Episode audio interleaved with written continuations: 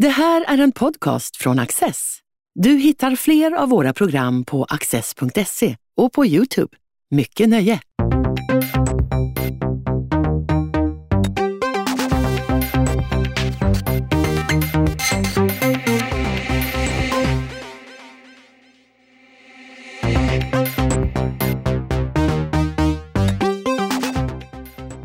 Hanne Kjöller är journalist och författare. I mer än 20 år har hon granskat de kryphål i den svenska lagstiftningen som ger brottslingar möjlighet att utnyttja välfärden för egen vinning.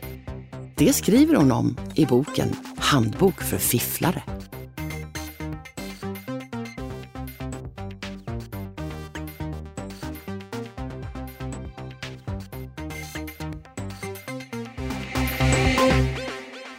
Du är expert på fiffel. Eh, av titeln på din bok att döma så får man lite känslan av att du kommer hit för att dela med dig av dina bästa tips. Men eh, riktigt så är det ju inte. Eh, vilka är egentligen målgruppen för den här boken? Ja, egentligen så är det ju politiker och tjänstemän och myndigheter. Det är ju de lagstiftarna. Jag vill ju ändra ett system som har rullat alldeles för länge. Som är fel i grunden, feltänkt i grunden. Eh, och det handlar ju om, om man jämför eh, Skatteverket och myndigheternas möjlighet att ta in skatt så bygger ju det på eh, kontroll och på effektivitet. Man har bestämt sig att för att det här ska bli säkert och för att man ska ta ut rätt skatt så är det arbetsgivare som skickar in uppgifter om hur mycket man har tjänat och så. Man frågar inte individen själv. Hur mycket har du tjänat? Och sen räknar man en skatt på det. Eh, samma sak med tjänstepension och så vidare. Det rullar in till Skatteverket årligen. Eh, enligt liksom vissa procedurer. Medan välfärdssystemen, socialförsäkringarna, bygger i hög grad på tillit. Och eftersom vi i Sverige har ett system där man inte får ersättning efter, av historiska fakta hur mycket man har tjänat utan hur mycket man bedömer själv att man kommer att tjäna så är man i princip hänvisad till vad individen uppger. Sen finns det en rad problem med att man inte får kontrollera mellan myndigheter och att vissa uppgifter blir offentliga först ett och ett halvt år, eller ett, i juni året efter deklarationsåret. Eh, och inte heller alla uppgifter som gör att om man om det visar sig att man, att man har haft att göra med en bedragare eller någon som har trott någonting som har inte blivit och så vidare så att man inte har haft någon inkomst eller man har haft mycket högre inkomst och ändå får socialbidrag. Då är det liksom ett och ett halvt års latens på att man upptäcker det i den mån man upptäcker det. Och sen ska man då försöka kräva in de här pengarna. Vilket blir väldigt mycket svårare än om man hade gjort rätt från början. Och det är den stora skillnaden. Och det här påpekades redan eh, 2008 i en, en stor delegation som eh, tittade på det här med eh, välfärdssystemen. Och det har man inte gjort någonting åt. Ja, för du beskriver ju att det historiskt sett har varit ganska svårt att ens diskutera de här problemen. Mm. Du har ju en rubrik som heter KD-ledaren som svor i kyrkan. Mm. Vill du berätta den historien?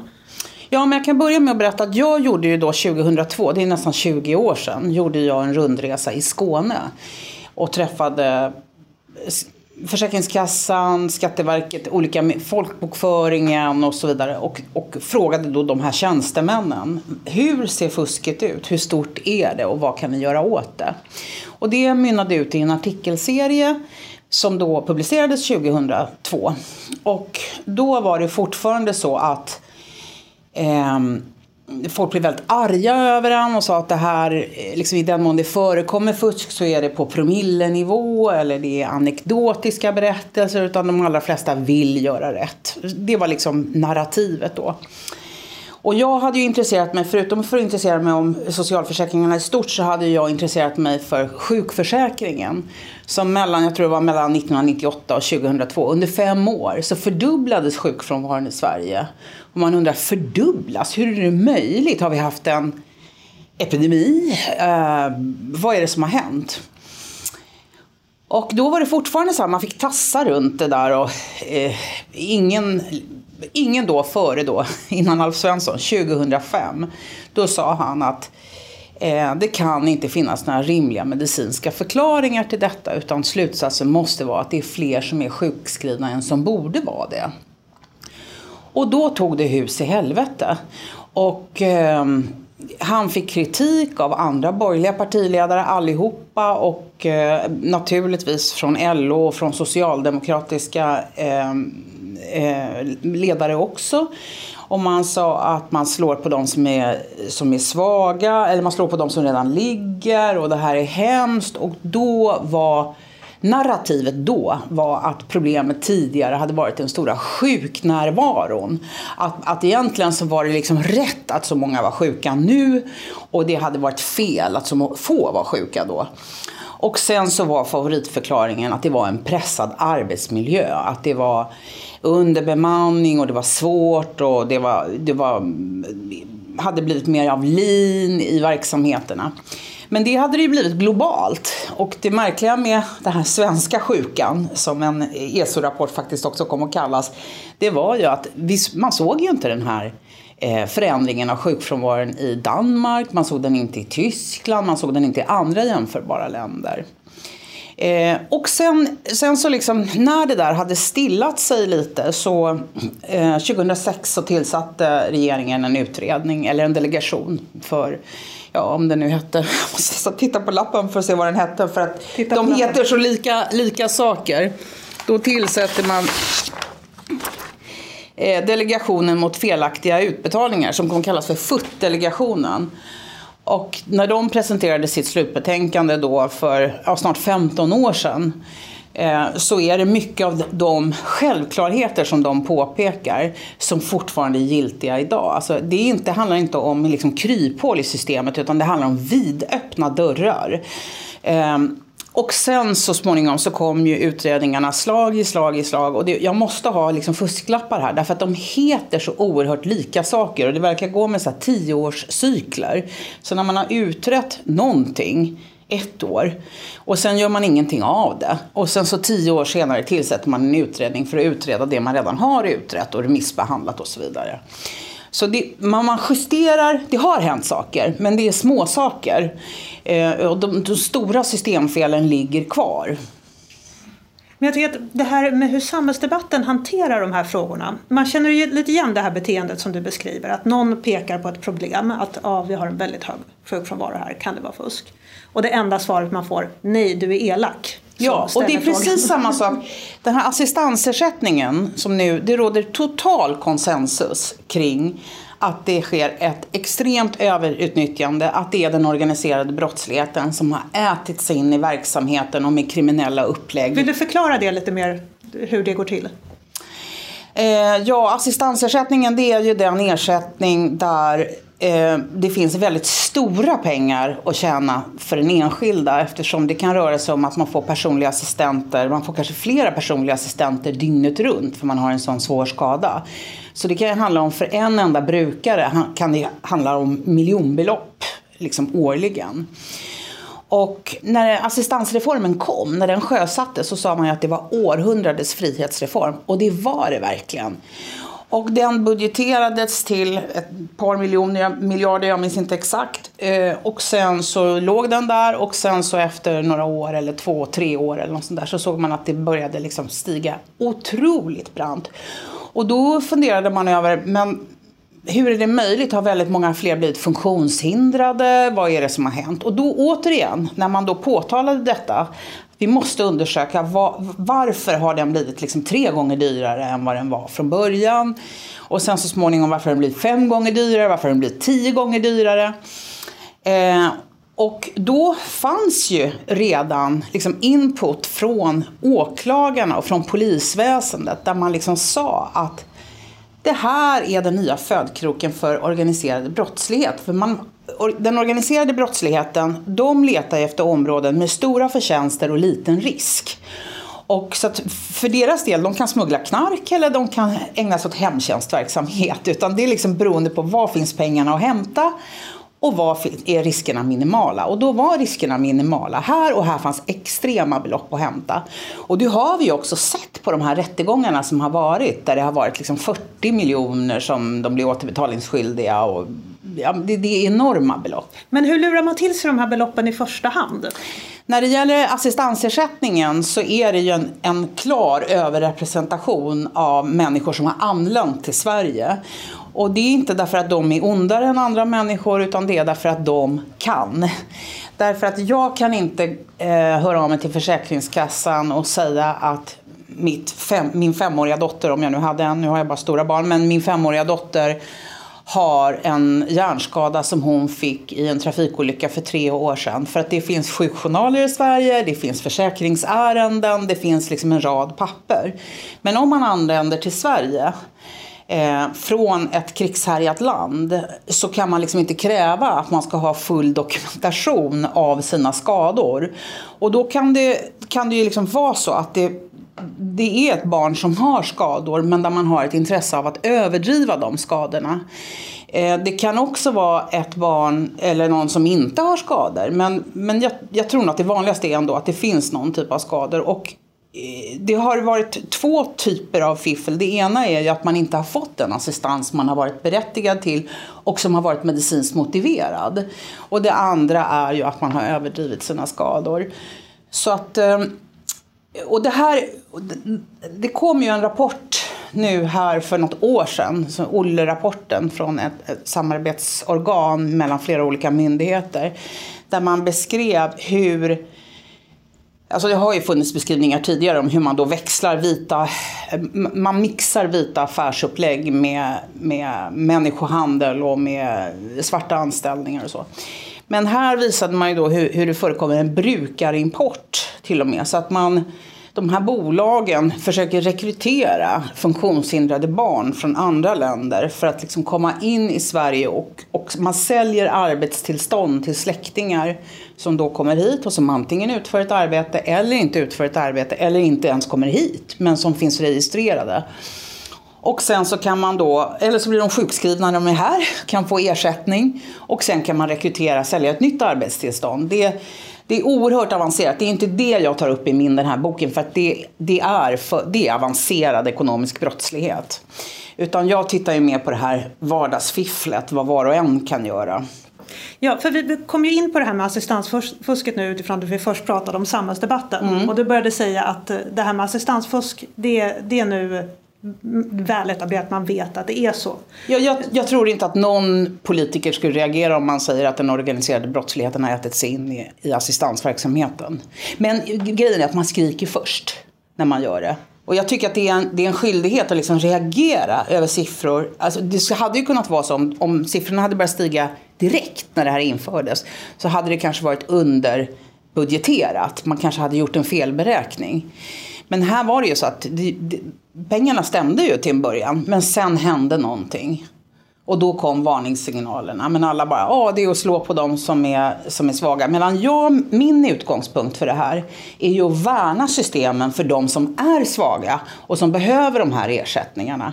Och då, då kan vi ju inte liksom tillåta att kriminella element äter sig in och på något sätt på sikt urholkar hela systemet. Ja, för systemet är ju verkligen fullt av kryphål, inser man när man läser Ja, och inte ens kryp. Jag skulle säga vidöppna dörrar faktiskt många gånger snarare än kryphål. För att, ja.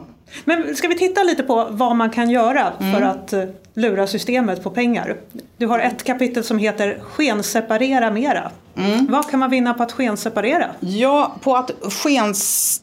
Det var egentligen Södertälje kommun upptäckte när de hade fått skyhöga, de hade fått en kraftig ökning av utgifterna för försörjningsstöd, för socialbidrag som det hette tidigare.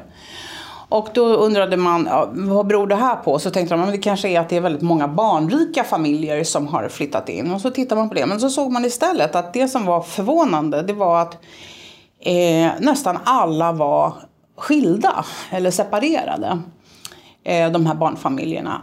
Och många av dem kom från kulturer där skilsmässor inte är lika vanliga som i Sverige. Så då började man fundera och började titta. Och då ser man ju då att om du, eh, om du är en familj där båda lever på försörjningsstöd och du skenseparerar, då får du ju liksom Dels den ersättning du får blir högre för att man bedömer att det är, så, det är dyrare att liksom ratta två hushåll än ett gemensamt. Och sen får du kostnader för den andra bostaden som du då kan hyra ut svart. Eh, eller, och så får du en intäkt från det. Eh, och sen om man har barn, eller gärna många barn, då behöver man liksom större bostäder. Så då kan man vara berättigad till en större bostad. Då blir det ännu mer pengar att tjäna om man då säger, man ska säga att barnen ska bo växelvis hos båda föräldrarna. Eh, om du är två personer varav den ena har en inkomst då kan du fortfarande vinna på att skenseparera. Och då gör du istället så att du ser till att liksom, då bor barnen då hos mamman, eller du kan också växla på det. Då får du också högre inkomster. Så man har ju sett att det här förekommer ju så systematiskt. Det sa de här fuskhandläggarna till mig i Skåne redan 2002. Så det här har ju tydligen bara rullat på. Och jag tänker att det här kan ju rimligtvis inte vara någonting som varje familj som är i ekonomisk nöd kommer på. Utan det måste ju vara systematiskt på något sätt. Att man får information om att så här gör du.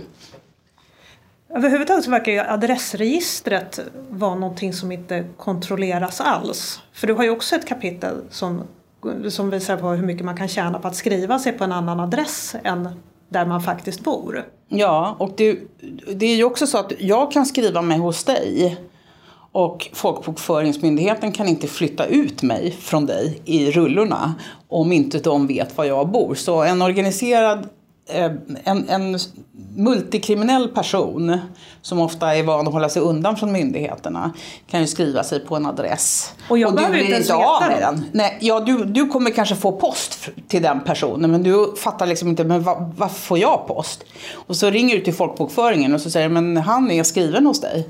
Nej men jag vet inte vem det här är, jag känner inte igen namnet. Ni får flytta honom. Ja, men det kan vi inte om vi inte får tag i honom och får reda på var han bor istället. För man måste flytta honom till en annan adress. Överhuvudtaget, folkbokföringen är ju, det är navet i hela välfärdssystemet. För att många av bidragen utgår från om du är folkbokförd i Sverige eller inte. Det ska inte vara så, utan det ska egentligen vara så att man pratar om vad heter det, bosättnings Ja, det är en term där i alla fall. Så egentligen ska Försäkringskassan göra en egen bedömning. Men det gör man inte, utan man litar på uppgifterna i folkbokföringen. Och det borde man inte göra, därför att folkbokföringen själv vet ju att eh, det är extremt mycket fel i de rullorna. Därför att man har ett system som innebär att man kan...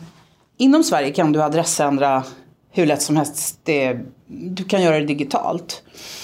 Och Eh, det finns ingenting som klickar in. Om du flyttar ur Sverige så ska du ju skriva ur dig ur folkbokföringen. För du har ju inte alla de här rättigheterna. Du har inte rätt till barnbidrag bara för att du är svensk. Eller, det finns ju nästan inga rättigheter mer än att rösta i riksdagsvalet som följer av svenskt medborgarskap. Utan allting handlar om var du bor, var du har din liksom, dygnsvila någonstans. Och det finns ju inget skäl att inte eh, att inte låta bli. Eller det finns inget skäl att skriva ut sig eh, ur rullorna när man flyttar utomlands. Därför att oavsett om du är eh, lever med en Hollywood-miljonär eller om du lever under erbarmliga förhållanden i Mogadishu så är det så att du kan liksom ha glädje av att det där barnbidraget tickar in fortsättningsvis och så vidare. Det finns ju många exempel på de här IS-resenärerna har ju eh, verkligen utnyttjat olika välfärdssystem. Men bland annat eh, så har de ju utnyttjat det faktum att Sverige har digitaliserats, myndigheterna har digitaliserats. Och de har digitaliserats utan någon typ av strategi att nu ska vi se till att göra det här, öka kontrollen eller samarbetet eller effektiviteten. Utan det ska bara gå snabbt och det ska vara smidigt det är mindre viktigt att det blir rätt. Alltså en vanlig människa upplever att det finns en säkerhet i och med bank-id. Men det är ju inte så mycket Men värt. du kan ju sitta i Raqqa, hugga huvudet av folk i IS namn och samtidigt vabba. Och vem det är det ju många som har gjort under flera år. Vem finansierade Mikael Skråmos eh, terrorresa? Eh, bland annat Försäkringskassan. Försäkringskassan betalade ut eh, över närmare 100 000 kronor innan innan det stoppades. Innan för, han för blev... vad? Förlåt? För vad? Var, jag tror det var föräldrapenning eller om det var vab eller något sånt. Jag undrar om inte de fick bostadsbidrag också. Och sen så är det inte känt om de har fått försörjningsstöd även när familjen har levt eh, som IS krigare utomlands. Ja, så det här är alltså helt sant det du säger att man kan sitta där och hugga huvudet av folk och samtidigt tanka in skattebetalarnas pengar? Absolut, det kan man göra. För det finns ingenting som klickar i när du reser in och ut. Det finns heller ingenting som klickar när du reser in. Det finns inget samband mellan Alltså om man reser utanför Schengenområdet så visar man ju passet och det blir blåa markeringar och så. Alltså det, det, går ju in i datorn. Men där, det enda man ser där enligt gränspolisen, eller det man tittar efter, det är ju om någon är efterlyst.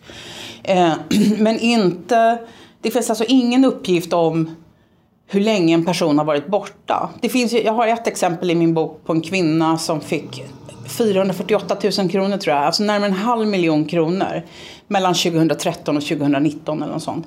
I barnbidrag, i flenbarnstillägg, i liksom allt möjligt. Medan hon var utomlands. Det finns liksom ingenting som reagerar. Det är till och med så att man kan få bostadsbidrag eller man kan få ersättningar som är bosättningsbaserade.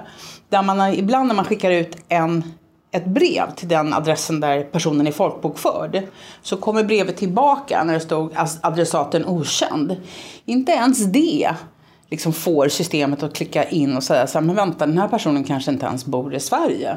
Men systemet, det är ju en människa som tar emot det här kuvertet och ser att adressaten är okänd. Hur kan man Jag vet faktiskt inte hur mycket människor det är som tar emot. Alltså väldigt mycket är ju automatiserat nu. Jag tänker på en sån sak som Alltså när, när det gäller Försäkringskassan, tre fjärdedelar av de fusk, fuskfall de upptäcker, de kommer ju från eh, input utifrån. Det är någon granne eller någon svägerska eller någon kompis som blir förbannad över att folk håller på och fifflar en masse och som tipsar Försäkringskassan. Eh, så att till exempel Mikael Skråmo, han la ju upp Youtube-filmer på hur han sitter med sin Kalashnikov i liksom ökenlandskap och så. Det, det, går liksom inte. Det skulle ta för mycket resurser om man skulle sitta och granska varje ansökan individuellt. Det tror jag. Men däremot så finns det ju andra saker som borde kunna reagera i, just med hjälp av digitaliseringen så borde man ju kunna reagera. Ja, kanske om en irakisk minister har var det bostadsbidrag eller socialbidrag han fick i Sverige? Han hade fått socialbidrag och sen var han ju sjukskriven för, han hade, eh, för kognitiva svårigheter. Och sen så blev han eh, statsråd i den irakiska regeringen och fick fortfarande svenskt barnbidrag och, och fick han bostadsbidrag också, jag kommer inte ihåg. Men de kognitiva svårigheterna hade läkt då? På något ja, sätt. det får man väl hoppas om man ska klara. Det krävs väl viss kognitiva färdigheter för att klara ett jobb som statsråd.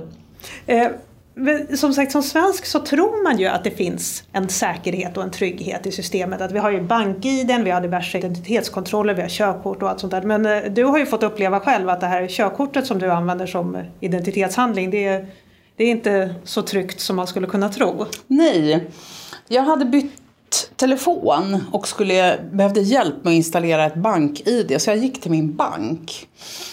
Och eh, då sa de, ah, får vi se en legitimation? Och så visade jag mitt körkort. Och så ringer de ett samtal och så säger de så här, men det här är ju spärrat. Och jag, va? Är det spärrat? Och sen så när jag hade samlat mig efter ett tag så drog jag mig till minnes att jag hade ju faktiskt tappat min plånbok kanske två, tre år tidigare. Och i samband med det så hade jag spärrat alla mina betalkort. Och sen under eftermiddagen, kvällen, så var det en tjej som ringde till mig och sa Är det du som är Hanne Kjell? Jag har hittat din plånbok. Så jag var åh toppen. Så jag åkte och hämtade den. Och då hade jag inte spärrat körkort och ID-handlingar. Eller jo, jag hade spärrat körkort och ID-handlingar men jag hade inte beställt nya. Så jag hade spärrat allt. Men, eh, så att de här nya betalkorten trillade ju in allt eftersom. Och sen forts tänkte inte jag på det så jag fortsatte att använda mitt körkort och så. Och det gick jättebra. Ända fram till den där dagen på banken då. Och då tyckte jag att det var så intressant att att det var spärrat och jag hade kunnat använda det så länge utan att det var spärrat. Så att, då tänkte jag jag fortsätter att använda det och ser hur länge det går. Och då gjorde jag, i samband med det så gjorde jag en polisanmälan. Eller liksom en tid efteråt så gjorde jag en polisanmälan. Men du fick alltså behålla ditt körkort? Jag fick behålla mitt körkort. Ingen sa såhär, klipp det eller riv det. Jag fick inget brev från Transportstyrelsen om att vi har hört att du använder ett spärrat körkort. Eller liksom ingenting. Utan jag fick behålla det. Det är ingen uppmaning om att göra någonting heller. Men så du fortsatte gå omkring med det här? Så jag fortsatte att använda det och även då, jag har identifierat mig hos polisen med mitt spärrade körkort och det har gått jättebra. Så att, ehm, det är ju väldigt lätt att få ett körkort också. För att man, det räcker med att man skickar in en kopia på ett körkort från ett annat land och sen till Transportstyrelsen så kan man få det också. Det är lite intressant med din bok för att den är ju faktiskt en handbok för fifflare. Alltså det går ju att läsa din bok och se att aha, titta vad jag skulle tjäna på att skaffa mig ett till personnummer eller att eh, skriva mig på i en annan kommun där jag har landställe. Så här. Hur ser du på att eh, det är faktiskt fullt möjligt för människor att läsa din bok och ta den som inspiration för att börja utnyttja systemet? Men det var ju därför jag gjorde så här när jag skrev den här boken, till skillnad mot när jag gjorde min artikelserie 2002. Då gjorde jag ju för då hade jag ju, förde jag ju bakgrundssamtal med tjänstemän på olika myndigheter. Hur ser det ut? Vad har ni noterat? Och Så här.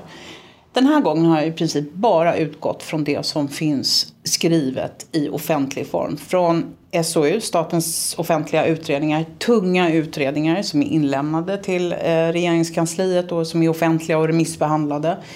Eh, promemorior, allt möjligt. Allting som finns offentligt har jag laddat ner. Så jag har ju liksom inte pratat med en enda kotte i princip. Utan jag har tittat på vad finns. Och då finns de här Eh, beskrivningarna ute om hur det går till och hur svag eh, den här kontrollen är och hur vissa myndigheter säger att vi, är, eh, vi betraktar förmånstagare som kunder. Så man prioriterar kundnöjdhet och snabbhet framför korrekthet i utbetalningarna. Detta är påtalat i massor med utredningar redan.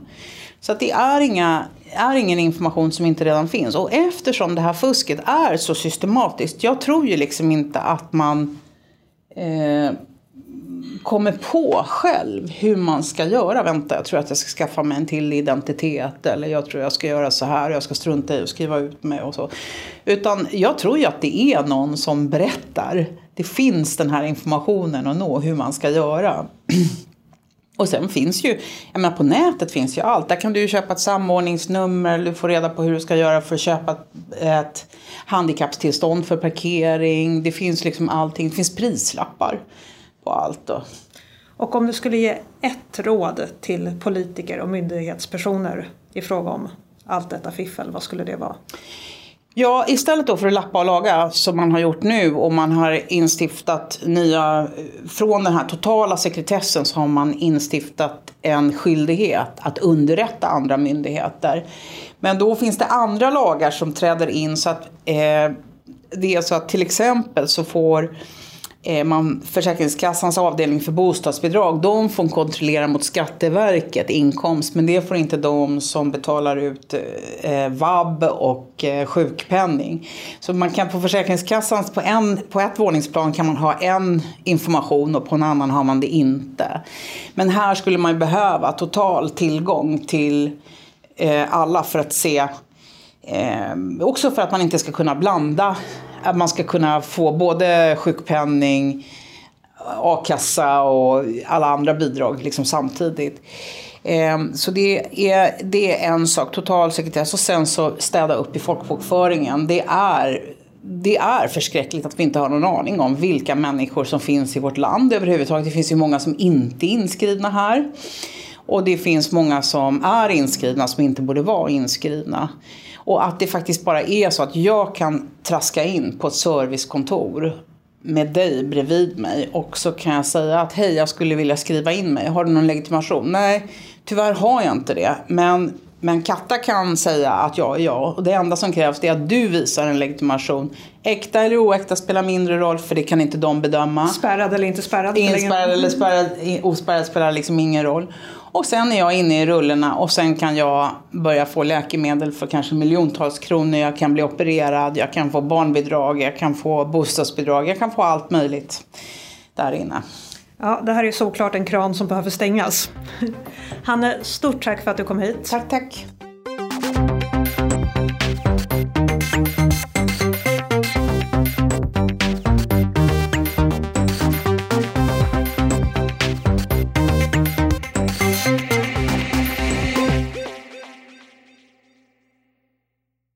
Du har just lyssnat på en podcast från Access. Du vet väl att vi också är en tv-kanal och tidning? Teckna en prenumeration idag på access.se.